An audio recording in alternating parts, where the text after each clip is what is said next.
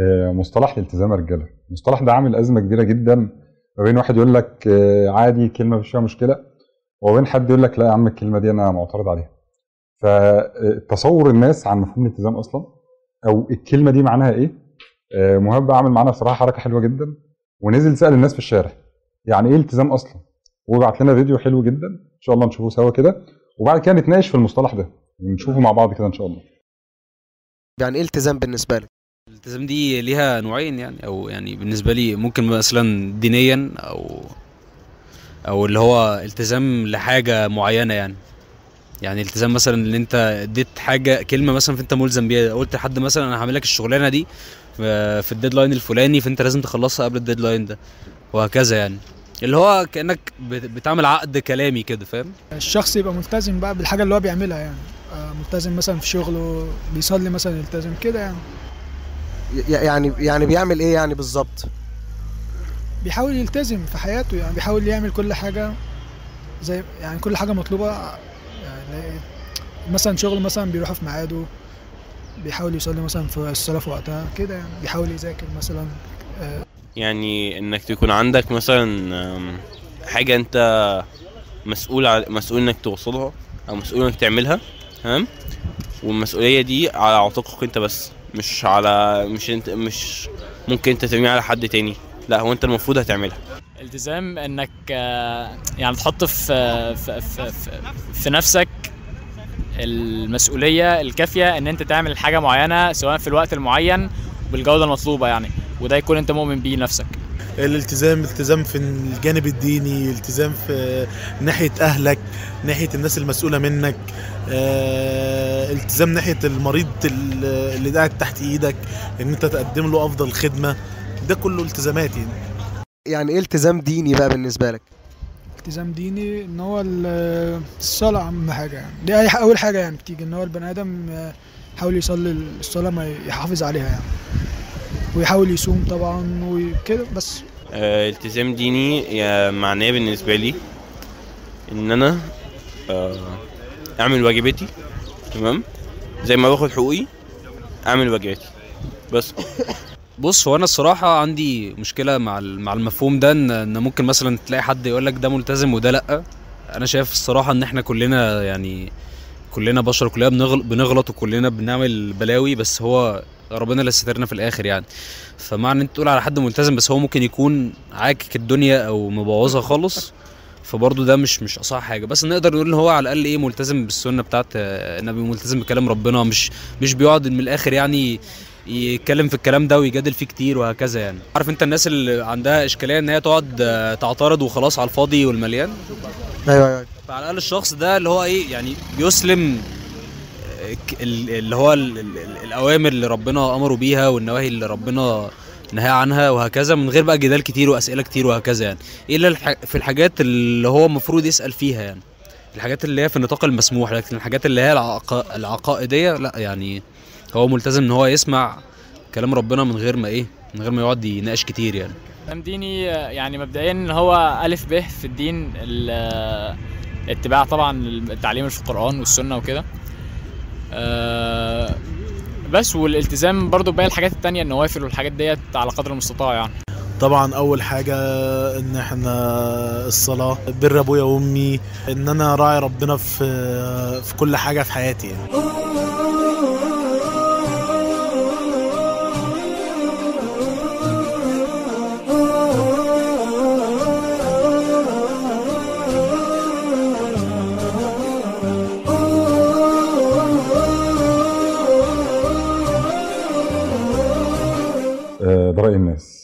أنا بالنسبة لي أنا شخصيا أنا مش فارقه معايا لا ملتزم ولا آه، أي مسمى تاني. أنا في دماغي إن الالتزام ده هو حاله الحالة دي لو موجودة سميه بقى زي ما تسميه سميه بقى ملتزم سميه آه، مستقيم سميه مهتدي سميه متدين سميه حمادة مش هتفرق. المهم إن ربنا سبحانه وتعالى قال صبغة الله. ومن أحسن من الله صبغة. إن هو من الآخر الدين صبغة في حياته. فالدين ده ظاهر في عباداته. والدين ده ظاهر في معاملاته الدين ده ظاهر في بيته. ظاهر في طريقة أكله ظاهر في طريقة جوازه ظاهر في طريقة التعامل مع أولاده ومع الناس في الشغل ومع الناس في في حياته. إن هو من الآخر الراجل ده في كل مكان في في في لمسة في حاجة مختلفة. شوف كلمة صبغة في آه. شمولها لل أيوه للشيء. اللي هو إيه ادخلوا في السلم إيه كافه ده هو موجود في حاجة. وظاهره مش آه. باطنة. بالظبط كده. قول سيدنا إبراهيم قل لنا إيه؟ نسكي وصلاتي. قل إن صلاتي آه، قل ونسكي نسكي. وصلاتي. ومحياي. ومماتي. لله رب العالمين. إن أنا كل حاجة في حياتي آه، بعامل فيها ربنا سبحانه وتعالى. فده مفهوم. تسميه بقى زي ما تسميه. المهم إن أنا أشوفك في أي مكان لا الراجل ده تعامله مختلف. الراجل ده شكله مختلف. الراجل ده أسلوبه مختلف. إيه اللي خلاه مختلف كده؟ إن في حاجة مختلفة في حياته اللي هو الدين. بس وسمي بقى زي ما تسمي بعد كده. والله دكتور أنا متفق معاك على الكلام بتقوله أنا بس عايز كمان أوصل معنى مختلف شوية أو معنى شبيه لل- للكلام. إن مفهوم الالتزام المفروض أساسا يحرك اللي هو بيساوي مفهوم الإسلام فوق عند الناس يعني مثلا لما هو في أول المقطع خالص الشاب اللي كان بيقول يا شريف ان أنا اكون ملتزم باللي ربنا سبحانه وتعالى بيقول عليه وان أنا ألتزم بكلام النبي صلى الله عليه وسلم. صلى الله عليه وسلم. طب ما هو ده يا جماعة الإسلام الطبيعي. عبودية آه قيادة طبعاً. الشرع تحقيق العبودية لله سبحانه وتعالى. ربنا سبحانه وتعالى بيقول إيه؟ وما خلقت الجن والإنس إلا يعبدون. في سورة البقرة ربنا سبحانه وتعالى بيقول يا شريف بيقول يا أيها الناس اعبدوا ربكم الذي خلقكم والذين من قبلكم لعلكم تتقون. ربنا سبحانه وتعالى ما قالش إيه؟ يا أيها المؤمنون لا قال يا أيها الناس إذا الخطاب لعموم الناس عموم البشرية جنس الإنسانية كله محتاجين إن إحنا نصلح المفهوم إن إحنا خلقنا لعبادة الله عز وجل. وبعد كده بقى كل واحد جوه الطريق هو حر. رب النبي صلى الله عليه وسلم بيقول. بضع وسبعون شهر. أعلاها؟ قول لا إله إلا الله. وأدناها؟ عن الطريق ربنا سبحانه وتعالى بيقول ثم أورثنا الكتاب الذين اصطفينا من عبادنا فمنهم ظالم ومنهم لنفسه مقتصد. بالخيرات. بإذن الله. ذلك هو الفضل الكبير. يبقى اذا إحنا خلاص مسلمين بنحقق مراد ربنا سبحانه وتعالى وبن يعني إيه؟ بنتحقق بمقام العبودية. وهم درجات عند الله. بالظبط كده. أنا بقى جوه مقامات العبودية دي طريق مختلف خالص. سواء بقى أنا كنت سابق سواء كنت مقتصد سواء كنت مقصر في حق الله عز وجل ولكن أنا جوه مقام العبودية. أصل التدين وكل دول مصطفين من قبل الله عز وجل.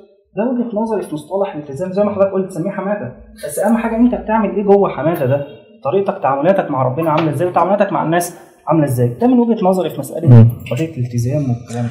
أنا والله اتأثرت بكلام ال- الشباب جدا وخصوصا اللي قال إن الالتزام كلمة تقيلة أو صعبة آه، عليا.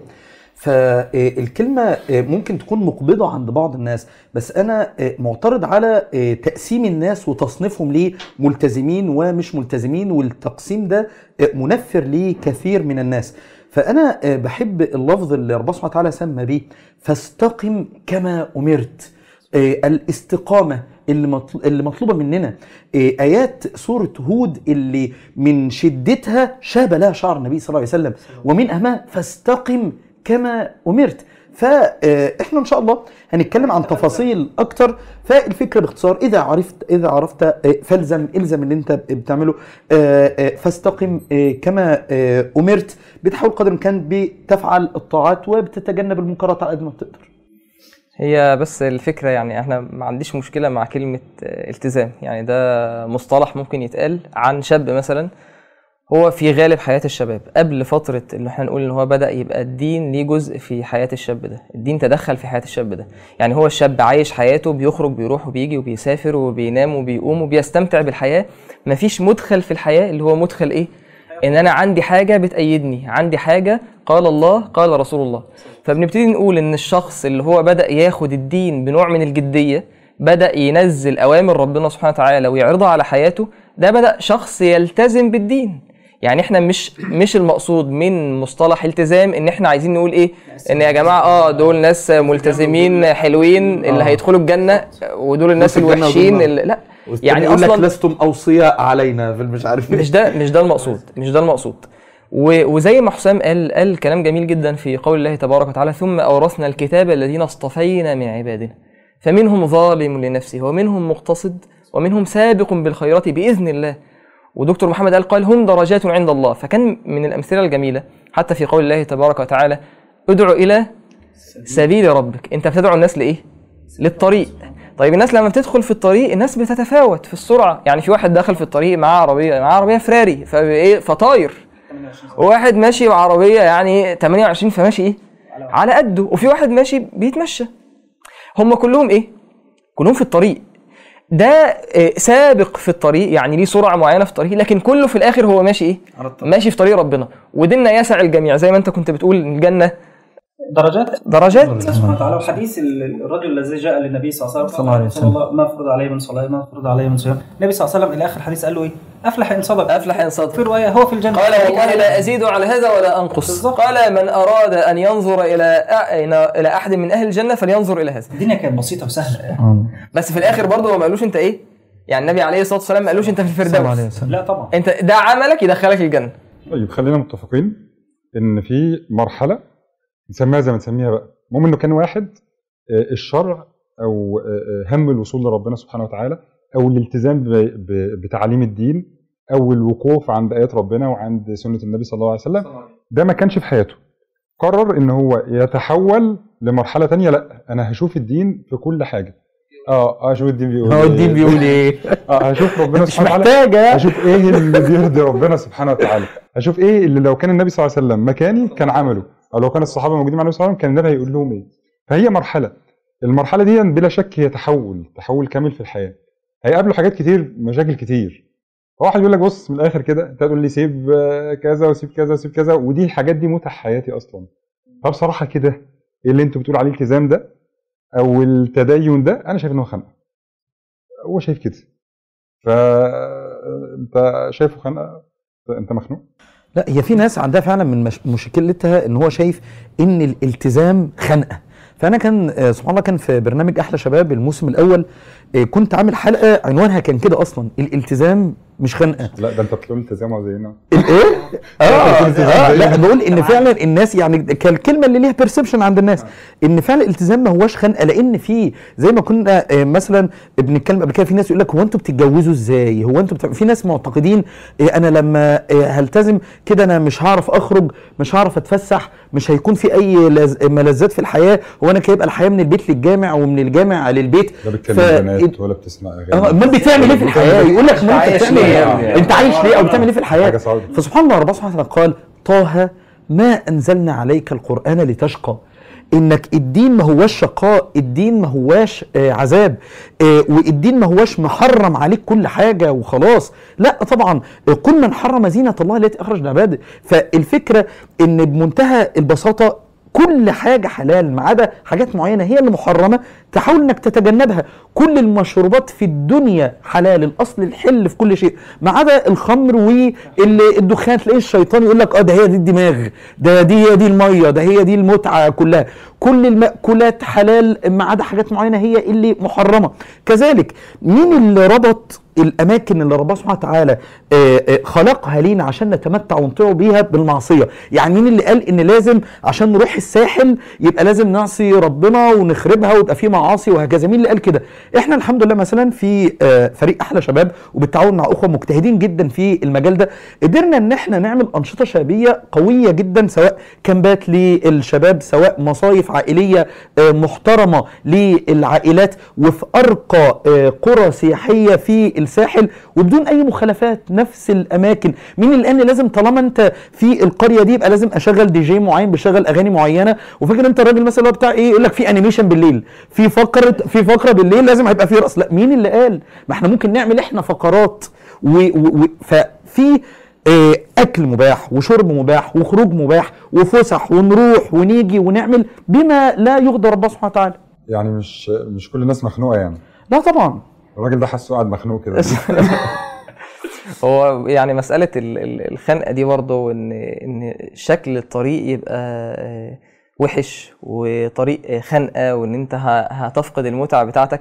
إحنا عايزين نقول برضو يعني برضو عشان الكلام برضو يتزن مع عند الناس إن مش معنى برضو إن أنت هتسلك طريق ربنا سبحانه وتعالى آه هتبقى أنت مبسوط وسعيد وهتحس بسعادة لكن في متع كتير من متع الدنيا أنت هتتنازل عنها وده واقع بصراحة يعني في حاجات هتضحي بيها وهتنازل عنها. لكن مسألة أصلا الطريق شكله وحش من بره ده من تزيين الشيطان. يعني زي ما كان آه، أو من تبغيض الشيطان بقى. زي ما كان دكتور محمد بيقول إن دايرة الحلال واسعة جدا. يعني ربنا سبحانه وتعالى في بداية في سورة الأعراف لما قال ويا آدم أسكن أنت وزوجك الجنة. قال إيه؟ فكلا من حيث شئتم. يعني دايرة الحلال إيه؟ واسعة قوي. ولا تقربا هذه الشجرة فتكون من الظالمين. الشيطان يزين دي بقى. الشيطان يجي للحاجة اللي ربنا حرمها ويقنعك إن دي سعادتك. قال فوسوس. لهما فوسوس لهما الشيطان ليبدي لهما ما وري عنهما من سوءاته. وقال شوف بقى ال- ال- الخبيث. ما نهاكما ربكما عن هذه الشجرة إلا أن تكونا ملكين أو تكونا من الخالدين. هو الشيطان يجي يقول لك إن ربنا نهاك عن الحاجة دي لأن ربنا لا يريد إن أنت تكون سعيد. ما نهاكما ربكما عن هذه الشجرة إلا أن تكونا ملكين أو تكونا من الخالدين. وقاسمهما إني لكما لمن الناصحين. فيضحك على الإنسان كده. يعني هو بيقعد لك في كل طريق للطاعة يخليه الطريق ده شكله وحش. مش فيخوفك هتستمتع إلا لما تاكل الشجرة دي. إلا لما مش تعمل حرام. هتستمتع الا لما تمشي مع بنت شوف قال صلى الله عليه وسلم إن الشيطان قعد لابن آدم بأطرقه فقعد له بطريق الإسلام. يعني هو بيجي لك وأنت لسه بتفكر أنا نفسي أبقى كويس نفسي أتغير نفسي أتوب. قعد له بطريق الإسلام. لسه هيسلم. قال تسلم وتذر دينك ودين آبائك وبابك هتسيب أصحابك والناس اللي حواليك. قال فعصاه فأسلم. فقعد له بطريق الهجرة. واحد عايز يغير صحبته واحد عايز يترك البنت اللي هو بيحبها. فقال تهاجر وتدع أرضك وسماءك. الدين بيقول كده. آه يعني حرام عليك. وبرضه قلبها. يا جماعة أنتوا فاهمين. الدين غلط يا جماعة. تكسر قلبها قال فعصاه فهاجر. فقعد له بطريق ال- الجهاد. فقال تجاهد إنما الجهاد جهد النفس والمال. فتقتل آه، يقسم المال وتنكح المرأة. قال فعصاه آه، فجاهد. النبي عليه الصلاة والسلام علق حديث قال فمن فعل ذلك كان حقا على الله أن يدخله الجنة. هو بصوا أنا برضو يعني إيه آه إحنا لازم يبقى عندنا توازن. آه هو التزام مش خنقة. بس فعلا لا في حاجات متعبة وفي حاجات صعبة. آه، النبي عليه الصلاة والسلام قال ياتي على الناس زمان القابض على دين إيه؟ القابض على الجمر فهو مش تخيل- وردي. يعني له الالتزام آه، مش خنقة ومش خنقة وفي نفس. الوقت مش وردي. آه اي حاجة مش وردية بقى وأنت إيه قاعد بقى كله فسح. لا في حاجات طبعا هتتعب وهتبتلى وهتبقى حاجات صعبة عليك. وانت قابض على الجمر. يعني تخيل انت ماسك جمرة في إيدك نار مولعة ومش ماسكها. ده انت قابض عليها. وخد بالك انت كل ما هتقبض عليها إيه اللي هيحصل؟ الوجع هيزيد أكتر. النبي عليه الصلاة والسلام بيقول لك اقبض عليها. هو أسهل حاجة إيه؟ ارميه يا عم. صح. يعني أنا عارف- اعرف نفسي ليه. يا عم يقعدوا يتريقوا عليا ويقعدوا يشتغلوني وابقى أنا بقى حفلة القعدة يقعدوا يتريقوا على الحجاب اللي أنا لابساه ويقعدوا يتريقوا على مش عارف إيه. آه. أهي. هي يا أولاد صح. أنت فاهم. وخلاص. ادي الدين اهو. فالنبي عليه الصلاة والسلام بيقول لك لا اقبض عليه. اقبض عليه. هيوجعك وهيحرقك وهيتعبك بس اقبض عليه. عشان نضبط الموضوع ما بين بقى مسألة ال- ال- الخنقة وما بين الحياة الورديه اللي هو مش وردي ده أصل كلام ربنا سبحانه وتعالى. سورة العنكبوت حسب الناس أن يتركوا أن يقولوا آمنا وهم لا يفتنون. ولقد فتنا الذين من قبلهم فلا يعلمن الله الذين صدقوا. ولا يعلمن الكاذبين.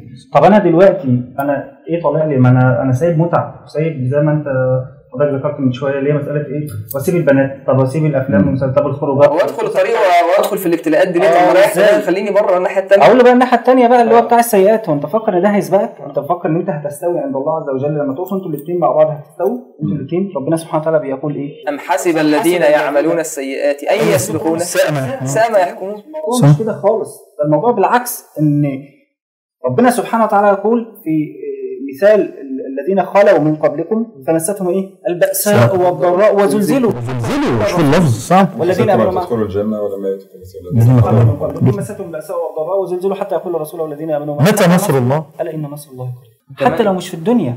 ده أنت في هي دي بقى المقام العبودية. ان أنت في يا جماعة حاجتين. أنا هنا عشان الدنيا بس ولا في رؤية تانية تعبدية اللي هو رؤية الآخرة ثواب عند الله عز وجل. فبالتالي إحنا محتاجين آه هو مش خنقة وفي نفس الوقت في مشقة وفي ابتلاءات وفي اختبارات حتى ترتقي مقامات العبوديه في رحلة ودي يا حسام دي من علامات الطريق. يعني آه الشيخ محمد حسين يعقوب في كتاب أصول وصول الله تعالى آه لما بيقول لك إن ده من أساسيات الطريق إنك لازم تبتلى. لازم إن كان ده أصل في كتاب أصول وصول اسمه في الطريق علامات للتمييز. لازم. عارف زي ما انت كل ما انت ماشي في الطريق كده آه، يقول لك إيه باقي 50 كيلو باقي 60 كيلو. فأنت لما بتشوف علامات زي دي بتعرف إن أنت على الطريق ولما بتلاقي فجأة انعدمت العلامات بتحس إن أنت ضليت. فزي قصة طالوت وجالوت وغيرها من آيات الله في خلقه وفي طريقه إن لازم هيكون في مواقف مميزة. أنت اليوم آه. وإنك ستبتلى صح. لازم لازم. في آه، ربنا سبحانه وتعالى تكلم عن آه، فساد التصور. إن أنت يبقى عندك تصور وردي عن الحاجة. يعني آه، فقول الله سبحانه وتعالى ولقد كنتم تمنون الموت من قبل إيه؟ أن تلقوه فقد رأيتموه وأنتم تنظرون. أنتوا كنتوا بتتمنوا قبل غزوة أحد الموت. ليه لما شفتوا الموت في غزوة أحد جريتوا؟ فبعض الناس قال لك لأن هو كان عنده تصور عن الموت مختلف. كان متصور بقى إن الموت ده هيخش مثلا معركة ولا حاجة إيه؟ آه يقتل له 10 وبعد كده. آه. فلا لقى في قتل وفي واحد ايديه بتطير وواحد رقبته بتطير فقال لا أنا ما اتفقش على كده مش ده. فأحيانا بعض الناس هو داخل بقى إيه, إيه طريق الدين. آه، أنا عايز إيه حاجات معينة عايز بقى الناس تحترمني وأهلي بقى يبتدوا يقعدوا بقى يقولوا لي الله عليك والفتوحات والناس تقعد تقول لي ادعي لي. فلقى إيه حد بيتريق عليه حد بيرخم عليه حد مش عارف بيعمل إيه. فلا مش ده اللي اتفقنا عليه أنا مش عايز ده. فالدين لا الدين فعلا في حاجات صعبة. وفي حاجات ملهاش بديل. يعني قال لك أنا عايز بديل لكل حاجة البديل الإسلامي. آه. في حاجات لها بديل. يعني هسيب أغاني في أناشيد الحمد لله. آه. تمام؟ والأناشيد الحمد لله بقى في حاجات حلوة. كان زمان والله كان أناشيد غريبه الشكل والله. ونسمع أناشيد غريبه واخد بالك؟ آه، آه، في حاجات آه، في رحلة كان زمان ما فيش رحلات إسلامية. دلوقتي الحمد لله في رحلات بدون اختلاط وبضوابط. لكن مش كل حاجة اللي هي يعني أنا عايز السجاير الإسلامية اللي مش عارف إيه مش كل حاجة والدين ليها مش. مطالب إنه يوفر لك بديل لكل بس في حاجات بديلها الجنة. يعني في حاجات هتسيبها مش هتاخدها غير يوم القيامة. يا رسول الله فما لنا لكم الجنة. اللي إيه فايب كده. فهو في في تصورات غلط. آه. فكذلك ال- الالتزام. زي ما هوش خنقه بس في نفس الوقت مش وردي. مش وردي. أنت داخل حاجة ثمنها الجنة؟ صح. آه، فأنت مش عايز تخش يلا أي حاجة ونخش نستمتع ونخرج. لا ده في حاجات ابتلاءات. في حاجات تمحيص وفي حاجات هتختبرك صدقك إذا كنت صادق ولا لأ؟ ففي بقى صور آه، مشكلة في الموضوع ده بقى مم. إن هو كل واحد آه، بيفسر الالتزام على دماغه صح فواحد شايف إن الالتزام ده مثلا إن أنا أعمل حاجة معينة واخد حتة واحدة من الدين. آه، واخد نقطة معينة من الإيه من. الدين. فالنماذج دي موجودة كتير أنا شخصيا بشوفها كتير مم. حد فيكم يعني شاف نموذج من ده؟ يعني كان مثلا من النماذج الخاطئه اولا أنا افتكرت حاجة عايزين نراجع عليها. آه، آه، دكتور أحمد عبد المنعم جزاه الله كل خير عامل آه، محاضرة جميلة قوي عن التصورات الخاطئة عن الالتزام والتصور آه من إشكاليات رائع ومميز في الباب ده جزاه الله كل خير. فمن فإحنا بنوصي حتى يعني يا ريت لو حد بي- بيتفرج على القعدة دي يسمع الحلقة دي. فمنها مثلا نقطة تصور الكمال. يعني مثلا شاب بنت مثلا تبقى معتقدة إنها ما ينفعش تنتقب إلا لما لازم تحفظ القرآن كامل وتخلص كذا من كتب السنة عشان تنتقب أو شاب يقول لك أنا ما ينفعش ألتحي أصلا أنا لسه بعمل معاصي فموضوع التغير الدراماتيكي ده إن أنا عشان أكون ملتزم أنا ده معناه أنا ما بقعش أنا ما بغلطش خالص أنا ما عملش ده تصور خاطئ. من الاشكال الخاطئ الخاطئة اللي إحنا لازم نقاومها برضو اللي معتقدين إن الالتزام مظهر بس. منظر بس إن شاب يكون أعتقد إن هو مثلا مجرد إنه التحى وكسر ثيابه ولبس ثياب معين يبقى هو كده ملتزم خلاص. أو واحدة تبقى معتقد إنها مجرد إنها لبست مثلا نقاب أو ملحفة إنها كده منتقبة وبس. فلأ إحنا لا نقلل من أهمية وشأن ظهور السمت الخارجي عليك ولكن لازم يتسق باطنك مع ظاهرك قدر الإمكان. بتقع وبتقوم بتق... بت... ممكن تقع في آه، معاصي وبتقوم. ولكن آه، ما نكونش منفرين. يعني تلاقي واحدة مثلا إيه؟ هي في المسجد مسجد الكلية مثلا بالذات آه، أخت لابسة مثلا إيه آه، آه، لبس معين ولقت إن جت في الجامعة بنت دخلت تصلي لبسها وحش وفي مخالفات عليها وحاطة مثلا ميك اب وحاجات زي كده.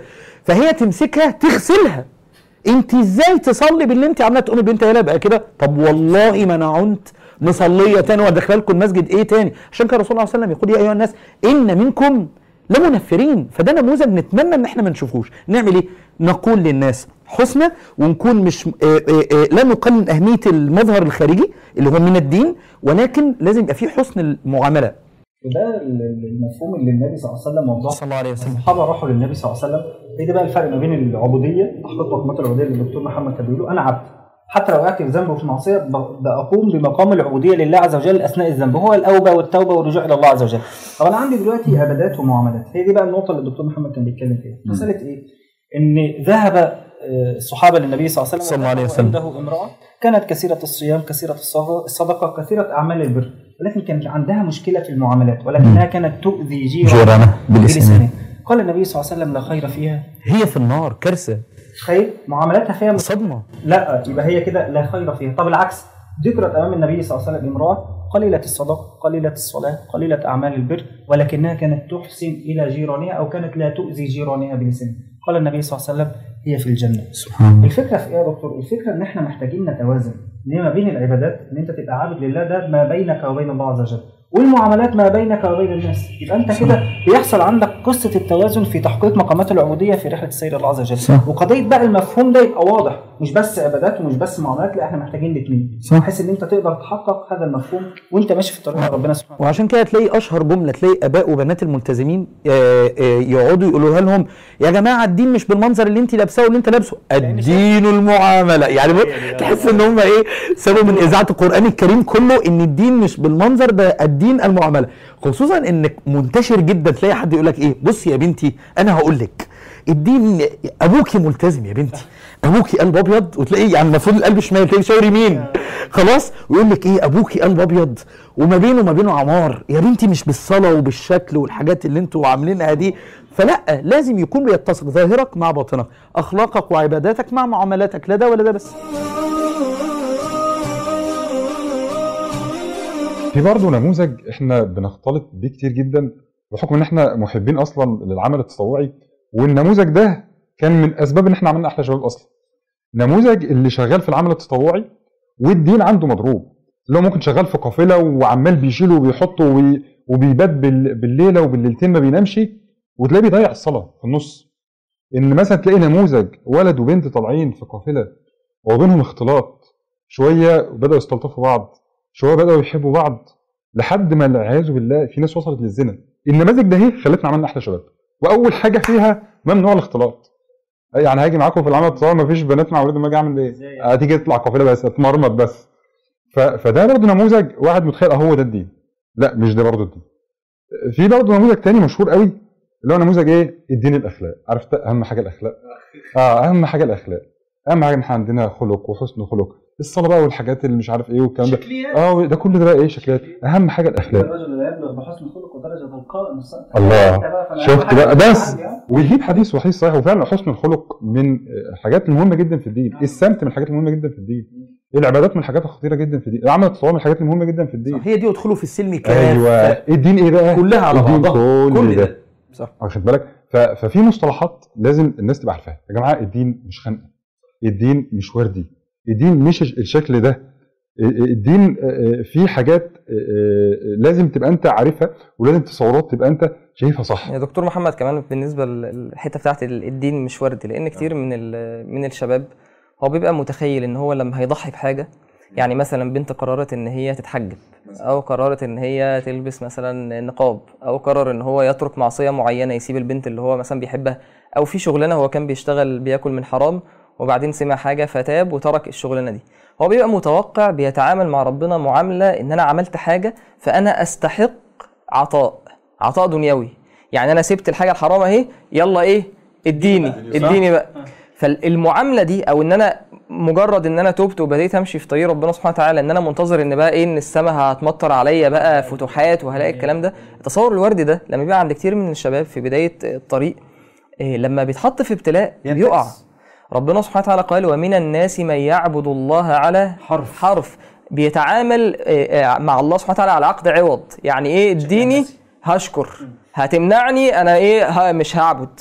خلاص هتيه هسيب ال- ال- العبادة دي. ومن الناس من يعبد الله على حرف فإن أصابه خير اطمأن به. قال هذا دين حسن.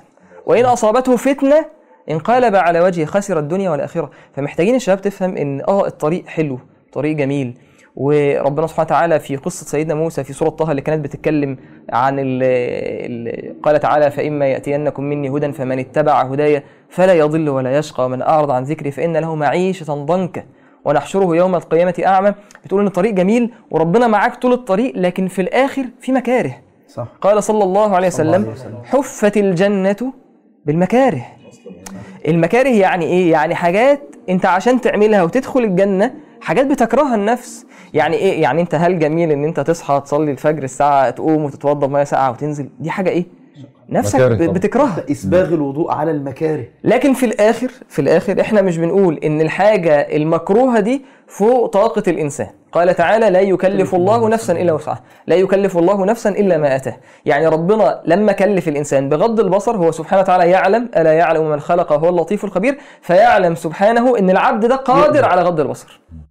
ابن القيم بيقول من تلمح العافية كانت عليه مرارة الصبر. اللي بيتلمح الجنة يصبر إنه يعدي من المكاره اللي محاطة بيها دي بيتلمح الشفاء بياخد دواء بيتلمح المرتب آخر الشهر بيصبر على بهدلة الشغل كل يوم آه ومشكلة اللي بيعبد ربنا على حرف ده دي كانت مشكلة إبليس أصلا اللي كان بيعبد الله على إنه اللي هو يبقى هو اللي آه،. آه. آه،. يستخلف في الأرض فلما لقى إن آدم اللي هيستخلف كان أول الكافرين بهذا الأمر. مم. أبو عامر العابد اللي كان عارف إن في ده عهد النبوة وإن في نبي هيبعث في هذا الزمان فلما لقى إن النبي صلى الله عليه وسلم هو اللي بقى النبي تحول من أبو عامر العابد لأبو عامر الفاسق. صح.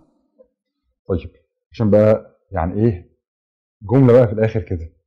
معايير الملتزم ده معايير المتدين ده يبقى إيه بقى محمد؟ بقى أنت إيه بتاع جودة؟ انت اجدع واحد هتقول لنا الموضوع ده. ربنا يا رب يبارك فيك ويحفظك. هو سبحان الله في آه، علم الجودة دايما آه، في المصانع يقول لك الايزو في المستشفيات JCI لازم يبقى فيه معايير للقياس. فكان في حلقة كنت عاملها اسمها ايزو مؤمن. فلو عايزين باختصار وممكن نبقى نفصلها في قعدة تانية يا شباب في آه، أول الطريق وتفاصيل وكده. لو عايزين نجمل كده الالتزام في رؤوس أقلام ممكن نفصلها بعد كده. فباختصار شديد جدا لو حد عايز يكتبها كده الالتزام ببساطة اولا ترك منكرات فعل طاعات أخذ قرارات تغيير اختيارات وتوطيد علاقات. علاقتك بالله الإيه؟ آه بس لازم إيه كل حاجة تتحفظ الطب ضيعنا يا ابني. خلاص فيبقى تاني. ترك منكرات أنا بشوف معاصي معينة أنا بحاول ان أنا ابطلها. إيه وفعل طاعات وفي الطاعات اتدرج. خلاص إن الدين متين فأوغل فيه برفق.